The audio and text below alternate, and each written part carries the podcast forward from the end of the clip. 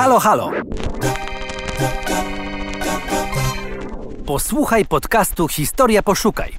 Wybieramy najciekawsze tematy, tropimy losy niezwykłych bohaterów i bohaterek, sięgamy po fascynujące źródła historyczne. To co, gotowi?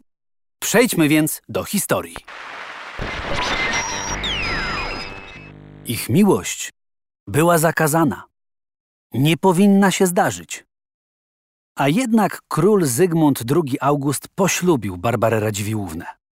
Posłuchaj o jednym z największych skandali w rodzinie Jagiellonów. Nic nie zapowiadało, by urodzona na początku lat dwudziestych XVI wieku Barbara miała spowodować takie zamieszanie na dworze królewskim. Była córką kasztelana wileńskiego i hetmana wielkiego litewskiego Jerzego Radziwiła.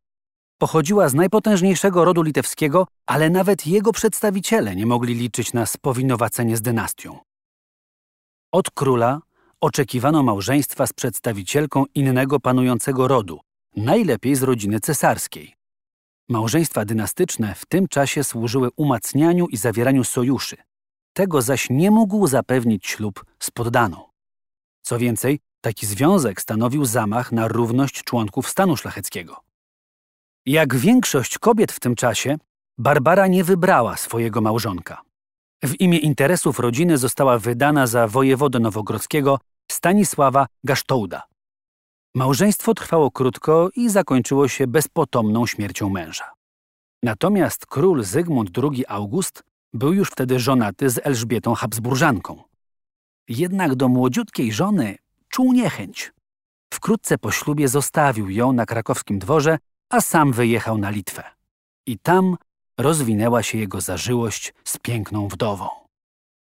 Romans Zygmunta z Barbarą rozkwitał. Punkt zwrotny nastąpił w 1547 roku, kiedy Barbara oznajmiła, że jest w ciąży. W tej sytuacji Radziwiłowie przekonali króla do małżeństwa. Ślub odbył się w tajemnicy. Wieść o nim szybko rozeszła się wśród dworzan i dotarła na dwór królewski w Krakowie. Tam wywołała powszechne oburzenie. Rozpoczęła się batalia o uznanie małżeństwa i zgodę na koronację Barbary. Szlachta groziła rokoszem, a po królestwie krążyły paszkwile opisujące swobodę obyczajów Barbary. Król nosił się nawet z zamiarem abdykacji, natomiast Barbara nie przywiązywała wagi do kwestii formalnych, na których zależało królowi i jej krewnym. To oni pragnęli czerpać z tego małżeństwa korzyści dla siebie i całego rodu. Barbara została koronowana w katedrze na Wawelu 7 grudnia 1550 roku. Szczęście pary nie trwało długo. Królowa już wtedy chorowała. Z powodu cuchnących i ropiejących wrzodów nikt nie chciał jej pielęgnować. Czynił to tylko król, który w ten sposób dawał świadectwo o swoich uczuciach. Barbara zmarła rok później. Jak myślisz, gdzie została pochowana?